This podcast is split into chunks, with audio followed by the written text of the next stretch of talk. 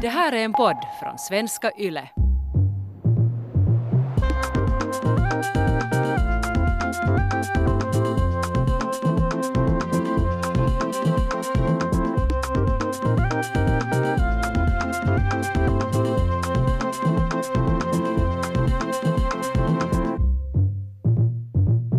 Lyssnar på Sällskapet, en kulturpodd med samhällsperspektiv från oss, dina vänner på svenska YLE.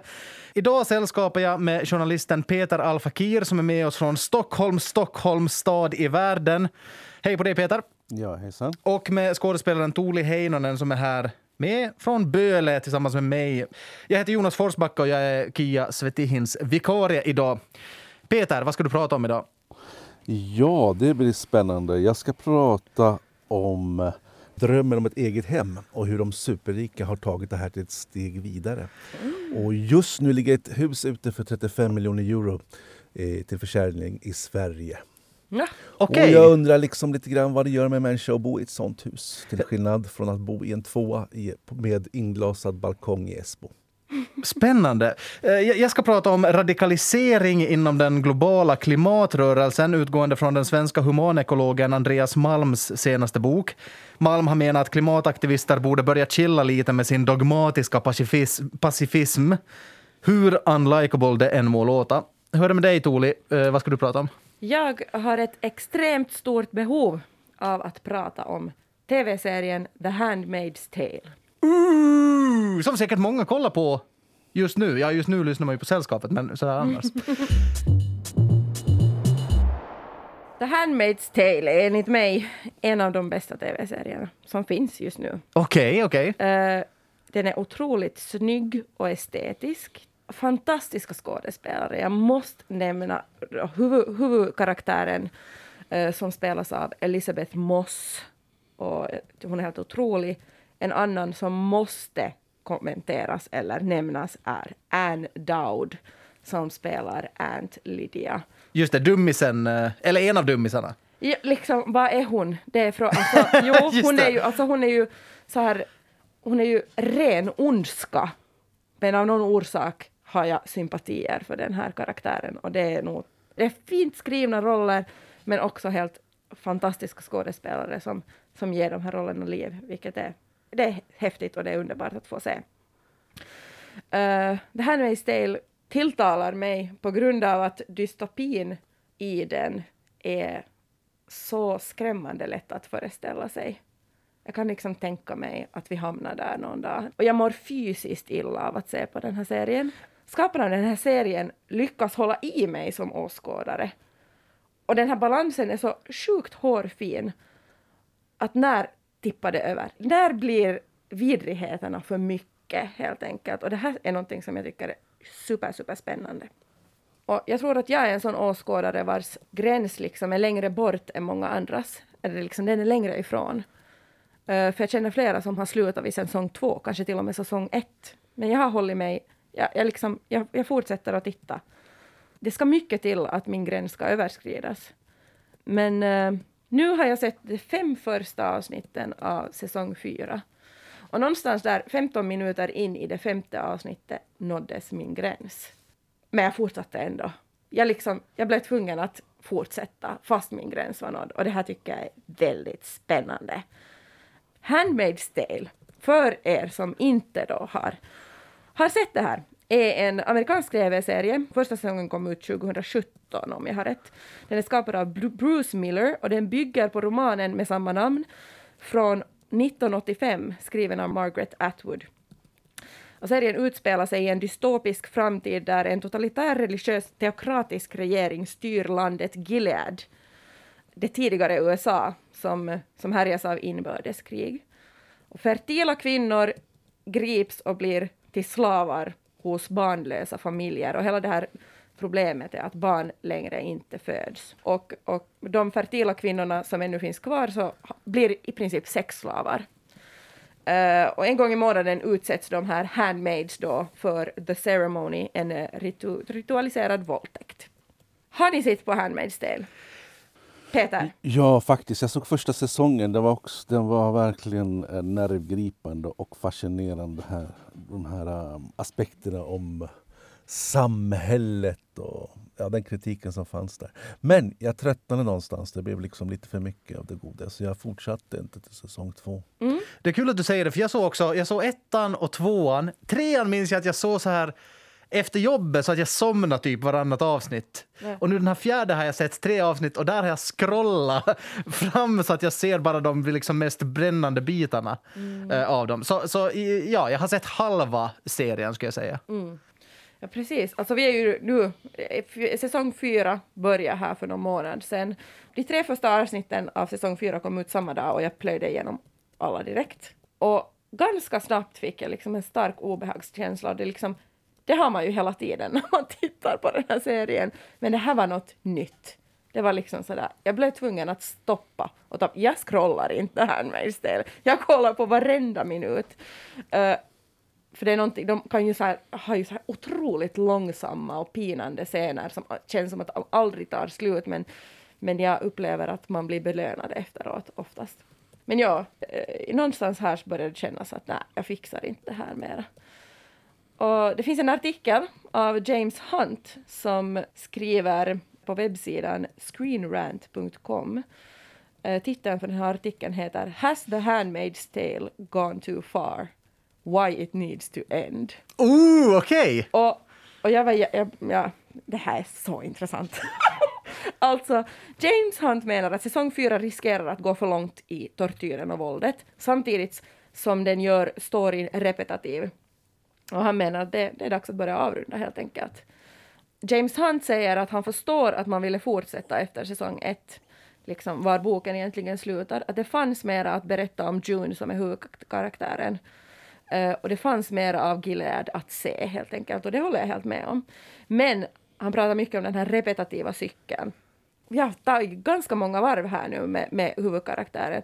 June blir fasttagen av Gilead, genomgår ett helvete, rymmer, blir en slags ledare, inspirerar folket, krigar och så hamnar hon på ett eller annat sätt tillbaka till ruta ett. Och den, den här cykeln har vi liksom fått se kanske fyra gånger. Och jag liksom förstår James Hunt när han säger att det här liksom, det är inte hållbart mera. Och han, han tycker att June sto- det är liksom, den har fastnat i Junes story och att den så st- står still. Och han föreslår till och med en ny huvudkaraktär. Och där sprängdes min hjärna lite, det klarar jag inte av. Jag är alldeles för investerad i June alltså. Ja, visst. Eh, han upplever också att våldet inte längre är bara eh, seriens estetik och något som för storyn vidare, utan han upplever att våldet kanske nästan har blivit själva storyn. Och han använder också ordet torture porn. Ooh, okej! Alltså det låter lite som samma kritik som eh, true crime-genren har fått kanske lite. Att, Ja, eh, precis. Att man, eh, många feminister tittar ju på Handmaid's Tale för att liksom se på något sätt problemformuleringen Mm. i samhället. Liksom så att, se hur mycket förtryck det finns i samhället, se hur förtryck kan kan ta sig uttryck helt enkelt. Mm. Och, och man tittar på det för att bekräfta, liksom att, ja, se hur hemskt det- är helt enkelt. Mm. Och, och, och kanske samma sak med true crime, att man ser mäns våld mot kvinnor eller, eller, eller, eller andra sådana uttryck och så, och så eh, ja, blir man på något sätt på ett, på ett på ett lite eh, geggigt sätt fängslad av den här brutaliteten som man är ju såklart är emot, liksom, som man vill förändra. Och jag, jag håller med om typ nästan allt, eller jag håller med om allt vad han säger. Liksom valifier, ö, valid, vad heter det på svenska? Eh, Eh, ber, berätt, berättigade... berättigade liksom åsikter och tankar och jag fattar honom helt. Men vad jag tror, och tro, jag, jag, liksom, jag tror att de här skaparna av serien vet exakt vad de håller på med. Och det är också det att den mest härdade åskådaren ska liksom, dens gräns ska nås. Och, och det, är liksom, det är någonting med, med det här att trötta ut åskådaren som jag tror att är liksom någonting som de medvetet håller på med. Okej, okej. Ah, De vill att vissa ska stänga av, eller? Nej, det vill de ju såklart inte, men de vill liksom leka med det, med det där. Och sen tror jag att, att det kommer att hända någonting enormt. Och det, det, jag tyckte det var så spännande att för mig, just någonstans där i avsnitt fem, så var jag så att nu fixar jag inte det här mer. Jag kommer inte att se på nästa avsnitt. Och i sista minuten av femte avsnittet händer någonting som ändrar min värld. och jag kan inte vänta på nästa avsnitt. Och jag tycker det är liksom genialiskt. Jag tycker de är, det är helt crazy hur de, hur, de, hur de lyckas med det. Det där är intressant att säga, för jag minns att jag, minns att jag läste liksom, eller hörde analysen någonstans, eller liksom åsikten 2017 när första säsongen kom, att, att dystopin som genre och Handmaid's Tale kanske i synnerhet eh, liksom, kan vara en bra serie att titta på under tiden som man väntar på att en motståndsrörelse liksom också i verkligheten, utanför kulturen, mm. ska liksom vara mogen, att, att tiden ska vara mogen för den här förändringen. Till exempel då att feministisk eh, mm. kamp ska, ska, ska få fotfäste.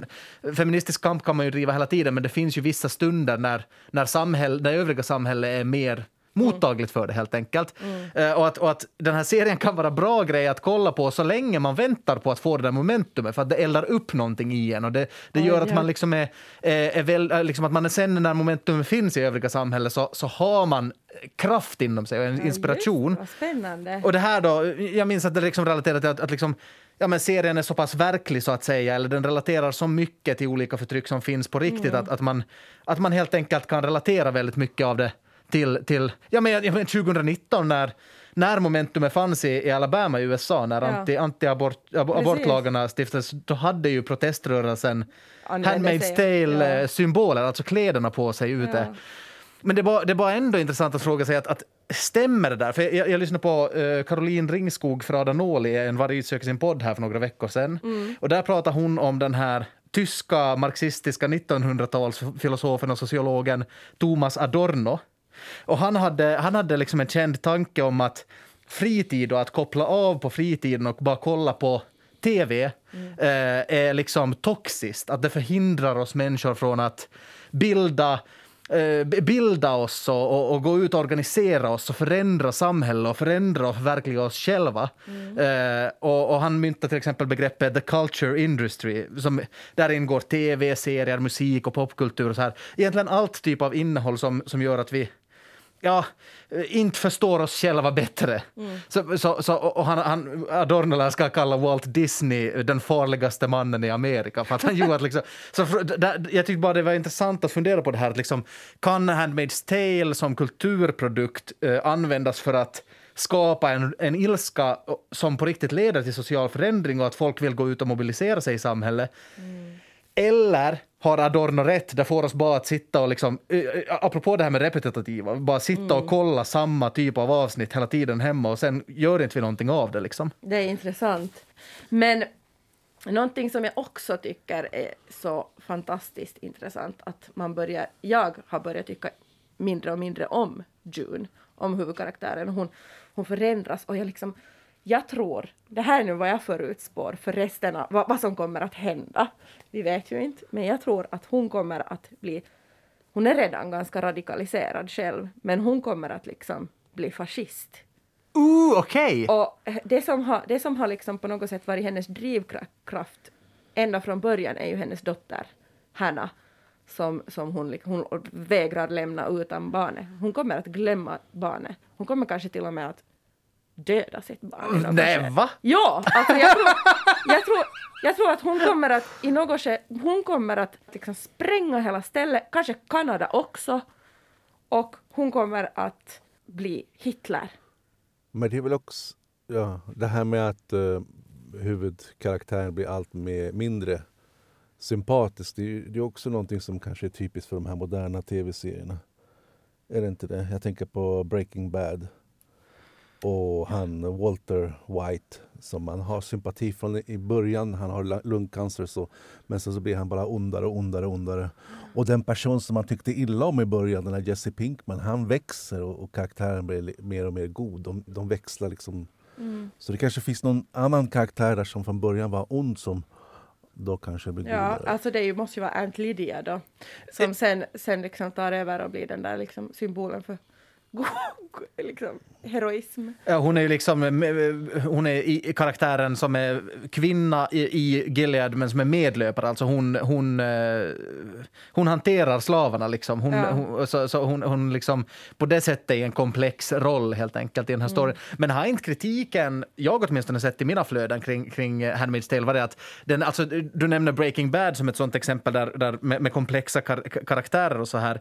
Handmaid's Tale har väl ändå uppfattats lite som att det, liksom, det finns bara vissa som man hejar på och liksom den dumma, den här patriarkala strukturen är är liksom ingen hejar på Gilead i den här, när man ser på den här serien och alla hej, hejar såklart på June, den här huvudkaraktären. Att, det liksom, att, att den kanske lite på det sättet binär. Att det Men liksom, jag tror att det kanske kommer att ändras. Just det, det är det som är intressant. Ja, tänk ja. om hon blir liksom f- fascistisk. Det är bara kul, för, för de här, alltså det finns ju mängder av memes och symboler från Handmaid's Tale som används av liberala feminismen liksom på Instagram. Man, Ja. man lägger upp bilder på, på, de, här, på de här karaktärerna.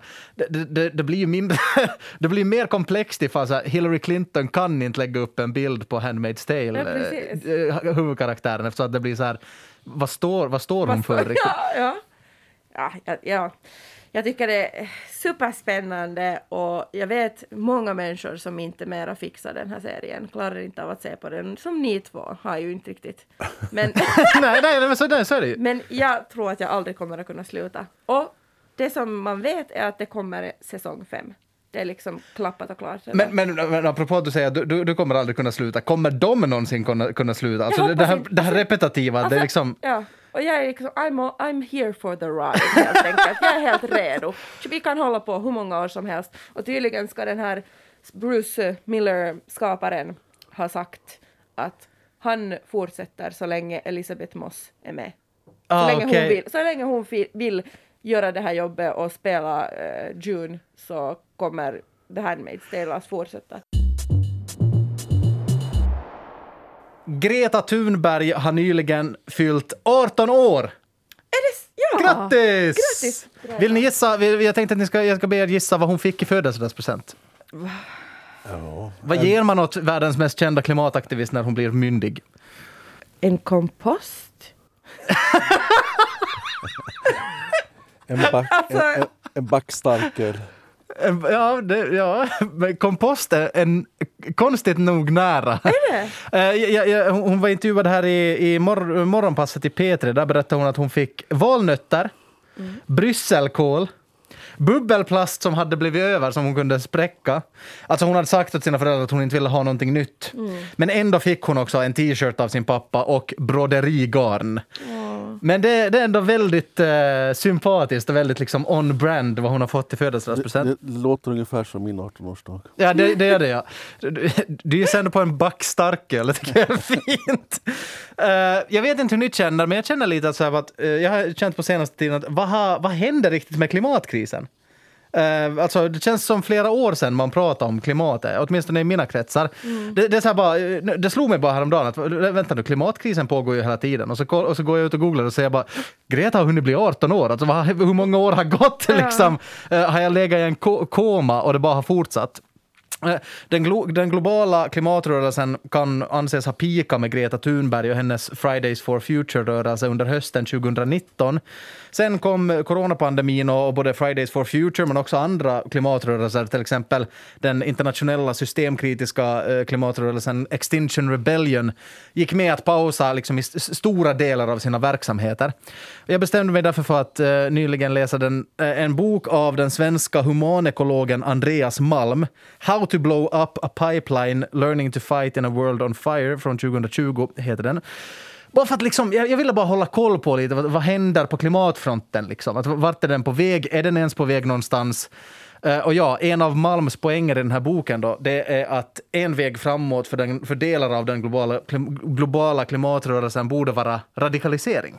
Och det känns ju liksom piggt, höll jag på att säga. Uh, Eller liksom, det känns oväntat. Ehm, uh, Pico lite bakgrund på Andreas Malm här dock, för, för den som inte känner honom sedan tidigare. Han är internationellt känd forskare på klimat, är verksam vid Lunds universitet i Sverige och han är själv också klimataktivist. Eh, det finns ju en massa olika forskningsdiscipliner att närma sig klimatfrågan på. Malms är humanekologi, eh, jag läser på eh, Lunds universitets hemsida att humanekologi är studiet av förhållandet mellan människa och natur i olika kulturella sammanhang. Vilket jag tycker passar för en podd som, som en kulturpodd med samhällsperspektiv helt enkelt. Mm. Eh, en avsikt är att förstå det moderna västerländska samhällets naturumgänge som ett kulturellt fenomen och som en global makt och fördelningsproblematik. Det där var ett ord som stannar kvar hos mig. Naturumgänge. Liksom, det är så här, om ett barn till exempel skulle fråga en vuxen att, va, va, varför finns klimatkrisen? Och så svarar man det, det är människans naturumgänge som är problemet. Eh, jag tycker det låter så oskyldigt. Naturumgänge, det är det som har fuckat upp allting. Eh, I alla fall, tillbaka till boken How to blow up a pipeline. eh, då. Jag kommer verkligen inte gå in på hela boken, utan jag vill bara, jag vill bara introducera bokens mest centrala begrepp. Och det är radical flank theory. Har ni hört om det här tidigare? Nej. Mm, nej. I korthet är slutsatsen i det här begreppet att många sociala frågor och rörelser och liksom utveckling i samhället har gynnats tidigare i historien av att en radikal och i vissa fall våldsam falang har kommit med i kampen. Alltså när man, om man vill nå en systemkritisk utveckling, till exempel att man vill avveckla fossis- fossila kapitalet eller helt avveckla kol och oljeindustrin, så kommer politiker och marknaden och företag, men också helt vanliga människor i majoritetssamhället, helt enkelt inte att acceptera ens analys eller åsikt. Alltså, man, man kan tycka att det är för radikalt, att liksom, det där är naivt, det är för radikalt. Det är liksom, vi kommer inte gå med på det där, för att det, det kommer att missgynna oss. Vi kommer att få mindre pengar, vi kommer att få mindre privilegier och så vidare. Till exempel, alltså, många stöder ju Fridays for Future och Greta Thunbergs rörelse. Alltså man tycker att hon gör ett jättefint jobb och liksom ett, en stark symbol. Men många inom politiken och i samhället i övrigt tycker ju att hon har en idealistisk systemkritik helt enkelt. Att liksom, nej, vi kommer inte att gå med på det där. Och slutsatsen i den här begreppet eh, radical flank theory, det är då att eh, Ja, men man, man kan förstå det som att Greta Thunbergs klimatrörelse kanske skulle kunna få mer faktiskt inflytande och liksom, man kommer ta hennes idéer på större allvar om en mer radikal flank kommer upp vid sidan om henne och som på ett eller annat sätt börjar utgöra ett hot för, för andra i samhället eller för, eller för klimatrörelsen eller för politiken. Eh, och, och då kommer liksom majoritetssamhället att, att, att se en orsak att försöka skydda de andra från den radikala falangen och ett sånt eh, steg skulle vara då att börja acceptera den mera mittenfalangen, alltså Greta Thunbergs rörelse då i så fall. En, en fråga, är det här liksom, är det någonting som, som han nu liksom uppmuntrar till? Eller är det som bara en, är det en teoretisk tanke eller är det uppmuntrar han på riktigt att, att, få, att det borde nu, folk borde börja radikalisera sig? Det där är en bra fråga. Jag tror att man kan läsa det liksom på, på olika sätt. Eh, Alltså jag tror att hans kritiker läser det väldigt mycket som att han uppmanar liksom folk till att radikaliseras. Men det ska, man, man ska vara noga med det att han, radikal, alltså han tycker inte att människor ska börja bruka våld mot andra människor, utan han, han leker med idén att, att klimatrörelsen borde börja sabotera mas, maskiner och mater, mat, materiella ting. Liksom. Men det, det, jag läser nog det väldigt mycket som att han, han, han, hans åsikt är att klimatrörelsen och liksom kommer inte att, liksom vi kommer inte att nå framgångar på klimatfronten ifall inte det här kommer att ske. Det. Alltså det är liksom hans, hans tes. Eh, Kort sagt kan man säga att radical flank theory liksom går ut på att alla ser snällare ut om man har en riktig dummis bredvid sig. Eh, Och några exempel som Malm använder i, i boken för att illustrera det här, det är medborgarrättsrörelsen på 50 och 60-talet i USA, där skillnaden mellan Dr. Martin Luther King och som förespråkade en Mahatma Gandhisk antivåldsstrategi och svarta pantrarna som beväpnar sig, det var liksom, de, de kan ses eller förstås ha gynnats av varandra, de var så olika. Suffragetterna i 19, tidiga 1900-talets England så, så kastade ju bland annat brevbomber och förstörde eh, byggnader för att, för att få igenom den kvinnliga rösträtten eller, liksom, eller sätta, ställa jätteakuta krav att liksom, vi vill verkligen ha rösträtt nu, ni måste se till att vi får det. Och andra exempel är våldsamma postkoloniala strider för frihet på den afrikanska kontinenten, alltså liksom beväpnat våld för att få, få igenom sina demokratiska krav helt enkelt.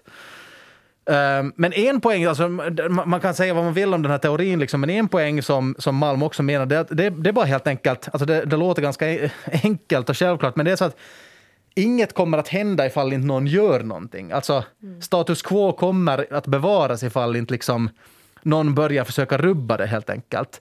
Alltså han, han är väldigt mycket av åsikten på att eh, utveckling inom kampen mot rasism och för kvinnlig rösträtt eller olika demokratirörelser i samhället och i historien. Utveckling har skett på grund av att det har ibland blivit motsättningar, ibland till och med liksom våld och strider.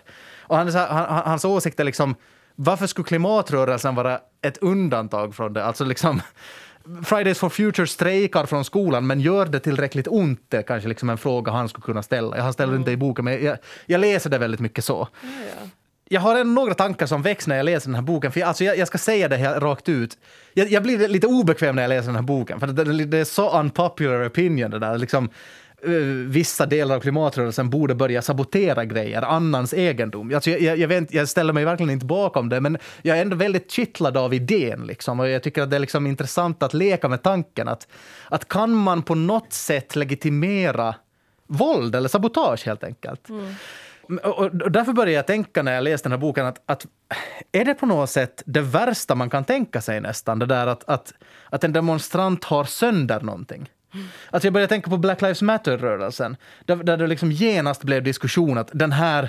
Alltså folk var beredda, åtminstone i mina sociala, fled, sociala medieflöden, att, att avskriva hela Black Lives Matter-rörelsens demonstrationer på grund av att de, de ansågs vara liksom radikala och de förstör ju grejer. Och de, alltså de, de, de, de eh, har ingen kontroll över sin rörelse. Liksom. Mm. För de, där, där ingick ju också vissa fall av att man, eh, att man förstörde grejer och att det blev liksom upplopp och så här på gatorna. Mm. Att man, man är som, det, vårt förhållande till ägande och våra, våra materiella ting är så starkt att det känns väldigt mycket som att man korsar en väldigt viktig gräns eh, en sårbar gräns när någon börjar förstöra grejer helt enkelt. Vad spännande. För jag, jag tänker så här, jag tycker det är jättekonstigt. Hur kan det vara det värsta som kan ske? Alltså jag, tror ju, jag tror ju inte att, nu, nu ska inte jag börja liksom dra kulturella stereotyper kanske, men jag tror ju att förhållandet till ägande i USA är mycket starkare än här i Norden. Mm. Alltså vi, vi blir genast rasande om någon förstör en, en, fönsterruta eller någon förstör någonting i aktivismens namn här i Norden. Men jag tror att i USA är det liksom ännu, ännu heligare med ja. ägande och förhållandet mellan människa och, eh, och, och, egendom helt enkelt. Men en annan tanke som slår mig när jag läser den här boken är att ingen, alltså inte, inte Andreas Malm, ingen vill ju ha en värld där folk är våldsamma. Liksom. Det är det man vill undvika. Jag frågade Malm om det här när jag intervjuade honom. Jag frågade hur realistiskt eller liksom konstruktivt tror du att att det är att människor, alltså, den här teorin är att, liksom, att vissa delar av klimatrörelsen, vissa radikala delar måste börja liksom ha sönder grejer, ha sönder oljeledningar. Att tror han att liksom Tror han att det är realistiskt att det kommer att ske? Mm. Våld föder våld och vem är nu med på den idén? Liksom? Mm. Och då svarar han eh, att han är övertygad om att problemet är det att liksom, om vi låter den här globala uppvärmningen fortlö fortlöpa, att liksom klimatkrisen får fortsätta, så kommer det till slut finnas ett fullständigt överväldigande stöd för militanta strategier. Alltså liksom, eftersom folk kommer se, till slut att se sin värld att brinna upp, mer eller mindre bokstavligt. Mm. Så då kommer, liksom, när, när krisen har gått så långt så kommer ingen höja på ögonbrynen liksom, vad då ska du börja förstöra en oljeledning nu? Mm. Eftersom att allt annat håller också på att brinna. Liksom. Mm mer eller mindre bokstavligt. Det, det, är ju det är Andreas Malms ord, jag vet inte vad jag ska göra med det, liksom, men det, det, är i alla fall, det är i alla fall en intressant poäng. Han tycker, bara, han tycker bara inte att globala klimatrörelsen ska vänta tills det sker. Liksom. Att man måste börja göra de här aktivistaktionerna före det finns ett allmänt stöd för det också. Jag pratade precis med en annan sån här aktivist som heter Stellan Windhagen. Har, har ni hört talas om honom? Nej! Han har varit aktivist hela sitt liv. Var med i plogbilsrörelsen och antikärnkraft och migrantfrågor och Palestina. Han var med och organiserade Ship to Gaza 2011 och 2012. Han var även med på en av båtarna då, där. Eh, men han är också professor den första, världens första professor i fredligt motstånd vid något universitet i Massachusetts. Mm. Eh, och han har hela sitt, sitt liv hållit på med det här med i, i gränsmarken mellan aktivism och forskning och skrivit massa böcker hur man kan göra motstånd på olika sätt. Då. Men jag pratar med honom just därför att inom, inom klimatrörelsen så finns det en radikal klimatrörelse. Eller det finns det såna eh, vad ska man säga, falanger redan som släpper ut minkar eller gör olika aktioner. Man tar sig in i fabriker och filmar och, så vidare. Civil olydnad? Precis, det är en form av civil olydnad men det är också eh, vissa av dem nu är ju under lupp för, från, från Säkerhetspolisen och man har pratat om en växande hot från, från radikala miljöaktivister. Och I Sverige har vi också haft problem, eller problem och problem, men det har också varit på tapeten med, äh, med radikala miljöaktivister som kommer från nazisthållet. Och där tyckte Stellan Windhager att man ska skilja på varifrån den här aktivismen kommer och vad man har för grundsyn och värderingar. Men han, han, pratar, för han har gjort mycket också och varit ute och, och mött människor i de här reservaten eh, som är native americans då, som är, gör den här aktionen där man försöker hindra pipelines med fossilt bränsle över sin mark. Mm. Uh, och de, det finns en rörelse som heter Walt Turners som är som en pendang till det här med blow up a pipeline. Man tar sig in i kontrollrummet så stänger man helt sonika av bara ja, det fossila bränslet. Eh, och sen så kanske man gör en annan aktion också, att man spelar in och berättar varför, vem är jag, varför jag gör det här, varför vill jag stänga av eh, pipelinen. Och han tycker det här vägen är mycket bättre än den. För jag frågade just om det här med, är det rätt att släppa ut minkar, är det rätt att göra de här grejerna som civilt motstånd? Men han, hans eh, förslag var att man inte ska hålla på och maskera sig. Man ska inte göra det anonymt, för det, det leder på en väg ner mot att bli terroriststämplad. Mm. Utan man, bättre då att stå för det man gör, stå det öppet med sitt eget namn och ta straffet och sitt i fängelse. Det tyckte han också bara var en del av den demokratiska fostran. Mm. Att göra lite fängelsetid. För det är också på något sätt, kan man som gemene man identifiera med de här personerna? Det är svårt att identifiera med en person som, som är eh, gömd bakom mask, som gör de här aktionerna eh, som är, är olagliga. Eh, men det är lättare om det är en person som, som påminner om en själv och man kan, man kan se vem det är och varför, förklara varför de gör det. Mm. Det där tycker jag är intressant, för jag, jag började också tänka på det när jag läste Andreas Malm, att liksom, behöver vi en nyansering, eller behöver jag personligen en nyansering av begreppet radikalisering? För alltså när jag tänker på ordet radikalisering eller hör det, så tänker jag bara på negativa saker. Eller liksom inte, eh, det är klart att det är negativt liksom med, med, med våld och så här. Eh, det är på något sätt som att jag tidigare har tänkt att de vet inte vad de håller på med, de är naiva, de är bara liksom fartblinda, de vill bara förstöra. Mm. Men, men precis som du säger Peter, så radikaliserade rörelsen har ju i vissa fall argument och liksom Ja, men de har funderat igenom att ja, men jag tror på den här grejen och därför gör jag det som jag gör och de är också beredda att ta konsekvenserna av det. Liksom. Jag vet, att, jag vet att Andreas Malm har fått kritik för sin bok, en kritik han inte håller med om, men att, att, han, liksom, att, han, in, att han inte är tillräckligt tydlig med att, att om delar av klimatrörelsen, till exempel en viss liten rörelse, en, en viss liten falang kommer att börja försöka sabotera ma maskiner så kommer de också att behöva ta konsekvenser av det. Precis som du säger, sitta i fängelse, böter eller så här. Att det, det, liksom, det är ju i så fall någonting man måste vara beredd att, att ta, helt enkelt. Uh, men, men ja, men den där grejen att, att liksom det finns en det finns en logik kanske, det finns en, en ideologi bakom också radikalisering. Det tycker jag är liksom, som sagt, spänn... Jag tycker, jag tycker inte logiken är särskilt svår att förstå. Eh, men, men det, är också, det är ju intressant att se att det, att det forskas på det här med civilt motstånd. Det, det görs upp strategier och planer på bra sätt att kunna påverka opinionen som inte bara har med våld att göra. Våld kan ju vara en del av det.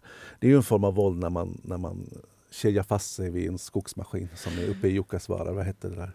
Med Sveaskog och Svenska fältbiologerna. Just det, just det. Ja, men det, det är sant. Att det, det, man kan vara tydlig med det. Det är ju våld i en väldigt bred bemärkelse. Och, och här på Sällskapet eh, så förespråkar vi ju inget våld såklart. Eh, men, men, men det är bara intressant, väldigt kittlande att tänka på att, eh, ja, men, ja, men, att, att den här forskningen görs. Och sen är det ju inte sagt att det kommer att bli så här att i intervjun med Andreas Malm så säger han att det är väldigt svårt att säga vad klimatrörelsen kommer att göra nu när den börjar starta upp igen efter den här pausen, efter den här coronapandemipausen. Det, det, det återstår att se helt enkelt. Men det, det kan vara det kan, jag har bara en sista eh, reflektion som kanske är lite liksom långsökt, men, men men, men alltså en fråga som Andreas Malm liksom ställer i den här boken, då, så det är liksom att den här dogmatiska pacifismen, att kan den vara icke-konstruktiv? Alltså liksom är det är det helt enkelt inte bra långsiktigt att, att hela tiden förespråka pacifism som man gör inom klimatrörelsen. Till exempel Greenpeace är ju eh, icke-våldsrörelse trots att de gör civil olydnad och, och direkta aktioner och så här som påverkar eh, ekonomin och påverkar människor liksom och deras företag och så här. Men en lite stretchad koppling som jag, som jag började tänka på eh, den här tyska filosofen Hanna Arendts essä Rätten till rättigheter som är skriven 1949 och det handlar om en helt annat. Det handlar inte alls om klimatrörelsen. Det handlar om statslösa, statslösa människors situation efter andra världskriget. Men jag tycker att det, det, hon gör en, eh, en grej som är lite jämförbar helt enkelt. Alltså Arendt, eh, Arendt säger att konceptet med mänskliga rättigheter inte funkar.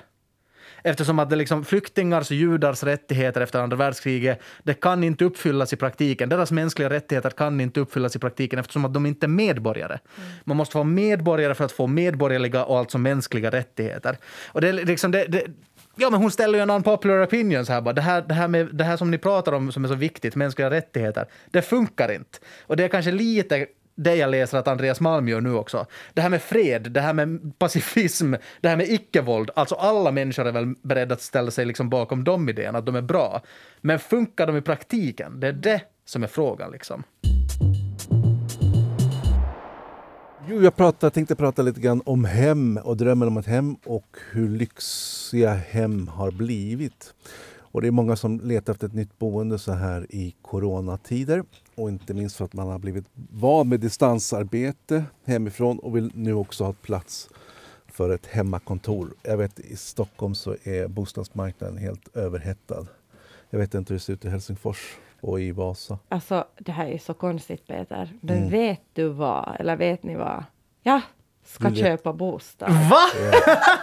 Ja. och ett av kriterierna var naturligtvis en liten plats för kontor eller? Och en liten, Nej, och, och en liten vad heter det, uteplats? Nej, faktiskt inte. Alltså, för jag har ju inte på det sättet jobbat hemifrån. Jag Nej. kan inte göra mitt jobb hemifrån. Så. Men alltså en större lägenhet, jo, än vad jag bor i just nu. Så.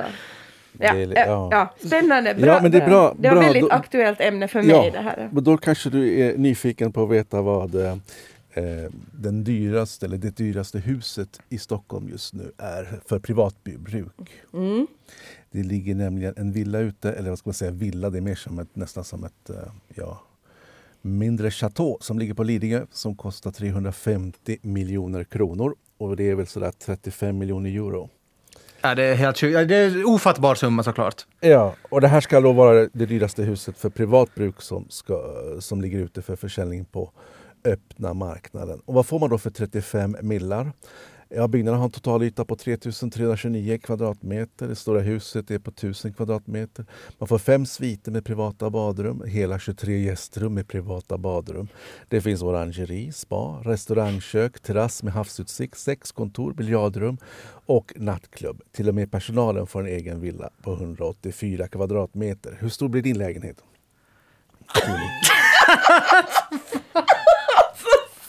En nattklubb? Ja. Du köper, en, du köper en, ett, eh, liksom ett privat hem med nattklubb. Och det, det här eh, eh, läggs ut av kändismäklaren Niklas Berntsson. Eh, och han säger till, Aftonbladet att man slänger inte 350 miljoner kronor i sjön, man förgyller livet. Men och det är lite kul det här med kändismäklare. Jag, kan, jag kan tänka mig att det här måste vara typiskt svenskt. Jag, har svårt att tro att ni har några kändismäklare i Finland. Har ni det? Uh, inte vad jag, inte vad jag vet om, uh, tyvärr. Ja, det är svårt att, och, det, det, är säkert någon tv-serie han är känd från. Eh, men han berättar i alla fall att i den här eh, försäljningen så snålar man inte på någonting. Eh, och han, han, har liksom beställt en video som ska presentera fastigheten för presumtiva köpare och bara den går loss på 100 000 euro. Ehm, I försäljningen. Då. Och det här är alltså en budget som är större än vanlig dokumentärfilm på Yle. Så vem i Sverige kan tänkas vara sugen på 23 sovrum med egna badrum? Eh, och så här säger kändismäklaren. Man har en ganska dålig bild av hur mycket pengar det faktiskt finns i Sverige. Vi har en tradition av att verka utan att synas. I USA skryter man gärna med sina pengar. Här har vi jantelagen. Eh, det har också kommit en ny generation yngre människor med pengar. Det kan vara en DJ som sitter på mycket pengar och vill njuta. Det kan också vara någon som har sålt en app och blivit miljardär. Och jag tänkte det här, det, är lite, det säger någonting det här om vår tid. Och jag fastnade lite för den där beskrivningen om vem, vem som skulle vilja köpa den. Eh, en DJ som sitter på mycket pengar eller någon som har sålt en app. Eh, det är helt klart att han har vissa personer redan liksom framför sig vem han vill sälja det till. Men, det, ja. det, är kul, det har bara delats en graf på Twitter den senaste veckan som jag, som jag har kommit över. Och, och det är liksom över, en graf från uh, Financial Times över hur mycket de ultrarika människorna har ökat sina tillgångar under pandemin. Mm. Och, och, orsaken till att den här grafen har nått mina flöden det är att Sverige ligger på andra plats. Alltså under de senaste fem åren så har Sveriges dollarmiljardärer ökat från 26 till 41 stycken och varav tio av dem har dykt upp nu under förra året. Och, och deras, alltså, Sveriges dollarmiljardärers eh, tillgångar, gemensamma tillgångar utgör nästan 30 procent av hela landets BNP nu idag. Och jag tror, om inte jag minns helt fel, så tror jag att just teknologi, app, äh, musik, liksom streaming äh, är liksom äh, viktiga sådana sektorer i, i just Sverige, liksom, för, för de här ultrarika i Sverige. Men det är, ju, det är ju någonting speciellt med det här med de superrika. För att som du säger, jag har tittat lite på, på miljonlägenheter men, men steget från miljonlägenhet till, till eh, de här priserna på 35 miljoner, det är ju stort. Och när jag själv tänker då på, på 23 sovrum så tänker jag genast på eh, hur stor blir inte elräkningen? Och hur, hur ska jag kunna värma den där kåken på vintern? Det, och det blir en mardröm också bara gå omkring och släcka lamporna hela tiden. Speciellt man, Alltså, jag tänker liksom på alltså, konceptet hem ja. och vad det på riktigt kan betyda för en människa som då har 24 sovrum, en nattklubb och, och, och what Bra, not. du, du, du, liksom, du går före mig här i tankarna. Men vi, vi, Ja, okej. ja, nej, men vi återkommer till det. Mm. Eh, men men kör på, säg, vad, vad tänkte du med Nej, nej, alltså det var liksom en förundran att hur, hur funkar den människans hjärna? Mm. Eller vad tänker den på när man säger ordet hem? För för mig låter det där ju som en uh, lyxresort eller liksom att vad, vad, är, vad är betydelsen av ett hem för Mm. de här människorna som vill ha ett sånt hem som har allt det där? Precis. Men jag tänker också att, att från, från Vasa då, och den, den lägenhet du har köpt till Mm. här, den här jättevillan på Lidingö så är också, finns ett lika stort gigantiskt steg till de superrika. Om man tänker sig att det var lyxigt för Sverige så vad är då, den yppersta, yppersta elitens hem? Vad är de mest värda? Om man, man googlar på världens dyraste hus så dyker då, eh, åtminstone enligt den här tidningen Arch- Architect and Design, så är det brittiska drottningens eh, Buckingham Palace som är dyrast med en miljard dollar. Och tvåan är det här jättefula huset på 27 våningar i Indien som tillhör miljardären Mukesh Ambani. Eh, har ni sett det? Nej. Nej. Det, det är någon grotesk skapelse som är helt eh, asymmetrisk. Det är bara liksom torna upp sig om det ligger i Mumbai eh, och har en egen he- helikopterpad. Och han, har- han har, jag har läst någonstans att han har 600 personer i personalen för att ta hand om honom och hans familj och huset. Och nummer tre på den här världens dyraste hus är, nummer, eh, är Villa Leopolda som ligger på franska medelhavskusten. Och den här listan som de räknar upp är ju allihopa europeiska eller väst, väst, vad ska man säga, västvärldens hus. Och det känns som att det inte riktigt är helt komplett. Och ett sånt hus man, som borde kanske finnas med då är det ju den ryska presidenten Vladimir Putins privata mansion. Som eh, oppositionsledaren eh, Navalny Ja. lyckades filma med de här drönarna. Ja, precis. Och den ligger på Cap Iddo Capas eh, och ett palats byggt i italiensk renässansstil vid Svarta havet. där. Och Putin nekar ju till att, det här är han, att huset är hans men enligt då vis, ryska visselblåsare är det här ett av Putins 20 palats. Det, det får ju en att tänka att vad finns det mer för hus liksom? Ja. Putin kan ju inte vara ensam om att lyckas liksom gömma tillgångar och hus liksom. Nej. Och, och, eh, och enligt de här visselblåsarna så beräknas det här komplexet eh, vara värt 1,35 miljarder dollar. Och, vilket i så fall skulle utklassa eh, Buckingham Palace eh, med råge. Och eh, nu ska jag läsa en liten lista vad som, vad som ska finnas i Putins eh, privata hem här i palats. Och då finns det alltså en kyrka, ett ispalats, en helikopterplatta, en amfiteater, en bensinstation, en 80 meter lång bro samt en underjordisk tunnel, swimmingpool, ett aquadisco, ett kasino, turkiska bad, biograf och ett master bedroom på 260 kvadratmeter. Eh, och nu bara min fråga här, är det någon av er som vet vad aquadisco är? Nej. Jag vet, nej, och jag är liksom eh, rätt ointresserad av att ens veta vad det är. Jag vad vet är inte. aquadisco, vet du? Ingen Vet aning och jag har googlat på det och Ja. det kommer inte upp någonting utan det kommer bara upp Putin eh, som står i eh, badbyxor liksom. Får jag, får jag vara lite ytlig för en sekund? Alltså på, på disco, när, jag, när, när man går ut på disco vill man ju ofta ragga. Eller man går ju ut för att liksom vara, liksom, se attraktiv ut, känna sig attraktiv, känna sig liksom, eh, liksom eh, svår, liksom, eh, man känna sig otrolig. Helt enkelt. Man, man blir lite full, man känner sig, nu är jag på gång. Ha- Har ni någon gång sett en bild av er själva när ni är liksom under vatten med sån undervattenskamera? Man ser ju liksom inte kanske fräckast ut vad man kan. Men du tänker alltså att aquadisco är att man dansar på botten av en bassäng? Ja, Men tänker- alltså hej, vet ni, jag har, fakt- jag har ju varit på aquadisco. När jag gick i lågstadiet så ordnade de i simhallen på fredagar mellan typ sex och åtta så fick man, eh, eh, svi- det var liksom musik på och man fick ha en t-shirt ovanpå sim, simdräkten. Ja. För det var lite kul. Och sen fick man eh, köpa godis och, och, och limsa. Och du tänker att det är så här Vladimir Putin... Det är det som Putin har.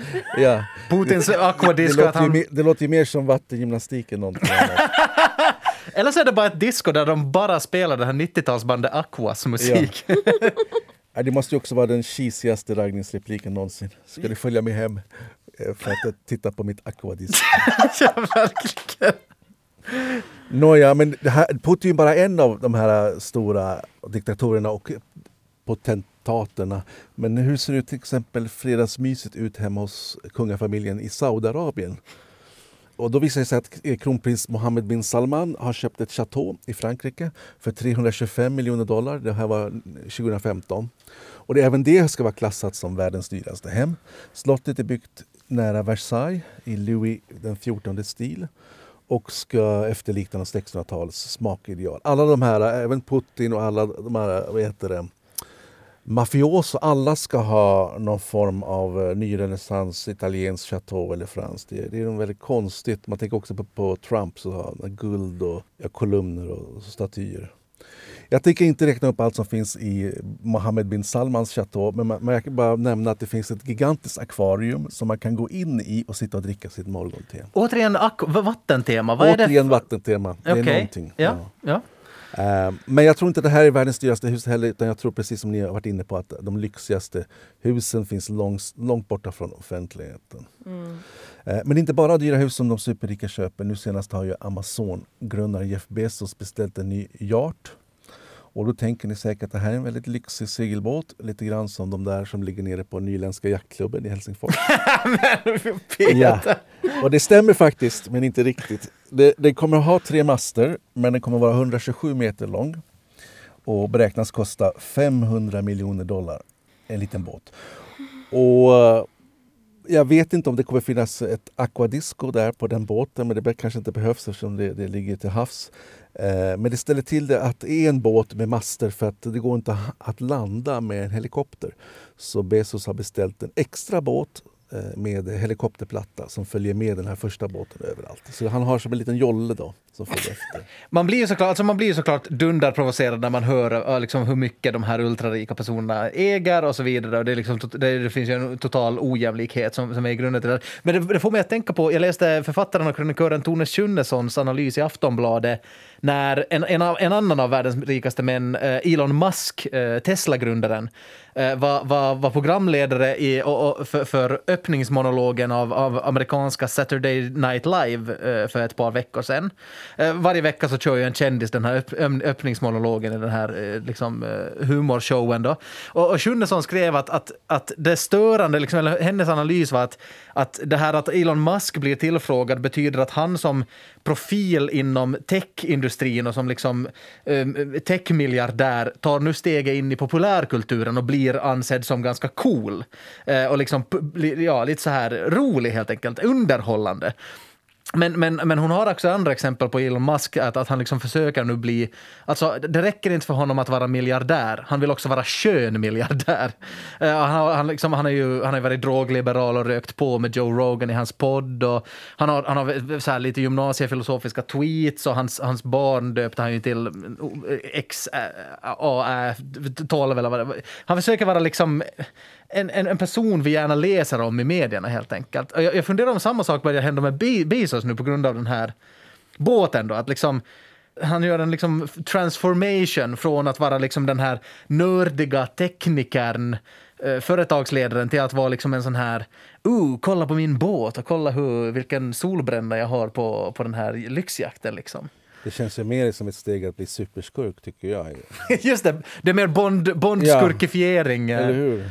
Alltså, jag sitter ännu här, jag, bara, jag sitter här och skakar på huvudet nu i hela den här stunden. Men alltså, men jag, jag är fortfarande jag är jätteintresserad av att liksom veta vad de här människorna som bor i sådana här eh, palats eller äger alla de här båtarna, och att vad är, liksom, vad är det de går igång på? Eller vad är det som känns bra för dem? För jag tänker själv sådär att hemmet är ju den där trygga platsen och jag har den där egna kaffekoppen och den är superviktig och, och det, det, liksom, det finns också en njutning i, att diska den.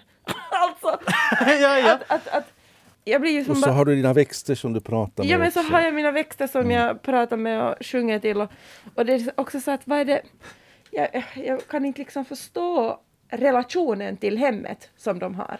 Mm. Och relationen till deras ego, det- liksom till, till deras egor. Men äh, nu är jag med, det är ju intressant det där, att på något sätt tanken om att de måste vara tomma skal, alltså det, ingenting kan ju ge dem lycka liksom. Eller, eller vad är det i så fall? När man, har, när man har allt, har man då ingenting helt enkelt? Jo, de har gjort sådana undersökningar också. Var, var någonstans spelar pengar ingen roll. Och det är väl någonstans sådär 5 000 euro i månaden i lön. Och sen så går det långsamt, eller går ganska snabbt, att det spelar ingen roll hur mycket pengar man har. Upp till en viss gräns så blir man lyckligare men sen så är det inte så att man blir så mycket lyckligare av massa pengar. Men det är inte det jag är ute efter här utan jag är mer ute efter det som, som Toli pratade om, det här med vad som är ett hem. Eh, och jag kom tänka på det här eh, för jag såg på Youtube någon sådär som dök upp i flödet och det handlade om ett gigantiskt, eller det heter Gigamansions, The One, som man kan köpa nu för 500 miljoner dollar, som ligger i Hollywood. Eh, och det var som en, en round tour och den t- videon var 45 minuter men de hann liksom inte gå igenom hela huset. Det var så stort. Alltså. Det, var, det är en eh, entreprenör som heter Nile Niami som eh, har utvecklat det här huset och han pratar bara om, man går omkring den här jättestora villan då, hur mysigt och, och anpassat huset är för en familj. Och så prisar han sin inredningsarkitekt som har gjort mockatapeter och så har han själv satt upp sina egna enorma metallskulpturer då, som följer med det här huset. Och de, de ser ju helt bisarra ut. Det är liksom en, en fem meters giraff i rostfritt stål. Ja. Ja, Check. det är jät- Jättemysigt. Ja. Och det det jag frågar, hur mysigt är det med 9300 kvadratmeter? Va?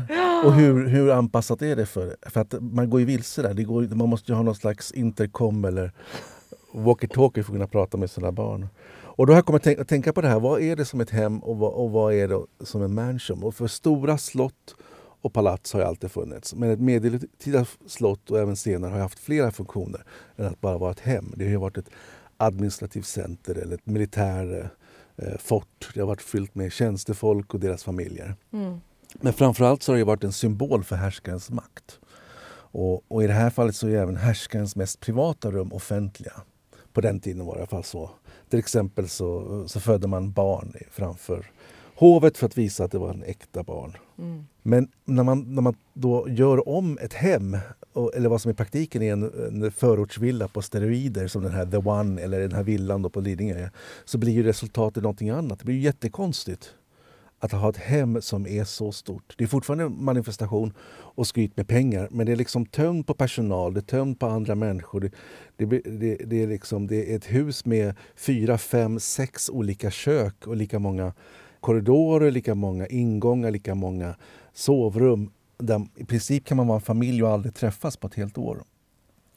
Eh, och då blir det nästan patetiskt då när Nile Niami med sina, går omkring där i sina tajta jeans och berättar om sitt fantastiska enorma diskotek där ägaren då kan ha storslagna fester. Och det här diskoteket i det här privata huset är ju liksom större än vad man eh, nästan gått på. Det, det man kan sitta utanför diskoteket i ett av tio olika fire pits eh, som är då nedsänkningar i eh, någon bassäng och framför en, någon, någon gasoleld till exempel. Men, men jag tycker inte att vi ska gå med på att kalla det liksom he- hem. Eller, Ja, vi, ja, kan kalla det byggnad, vi kan kalla det en plats där man bor. Residens. Vi kan kalla det residens, men det är liksom, eh, ett hem måste ha eh, några an, andra egenskaper. Liksom. Mm. Typ att man... eh, Att det, att, det, att, det, att det känns bra där. Att, att, det- att, att det finns... eh, Jag vet, inte, jag vet inte vad kriterierna ska vara, men det, kan inte vara att det bara är en jättestor byggnad. Liksom. Mm. Ja, intressant. Eh, och det är också, för att avsluta då, så tänker jag på att, att i makten i Finland, om man tänker Kekkonens bostad, stora presidenten som, och hur han valde att bo eller hur finska presidenten har valt att bo, så är det tvärtom där på något sätt. Och man försöker ju framhäva sin folklighet i ett slags normal storlek på Även om det på den tiden kanske uppfattades som väldigt lyxigt och exklusivt så, så är det ju mycket närmare vi säger så för den här veckan. Tusen tack till dig som har lyssnat och om du vill höra av dig så får du jättegärna göra det på sallskapet yle.fi. Vi tar eh, jättegärna emot din feedback och det är kul att läsa när ni tänker högt kring våra avsnitt. Tack till dig Peter Alfakir eh, och Tuuli Heinonen. Tack! Nästa vecka så är Kia Svetihin tillbaka och då sällskapar hon med Kasper Strömman och Petra Laiti. Hej då!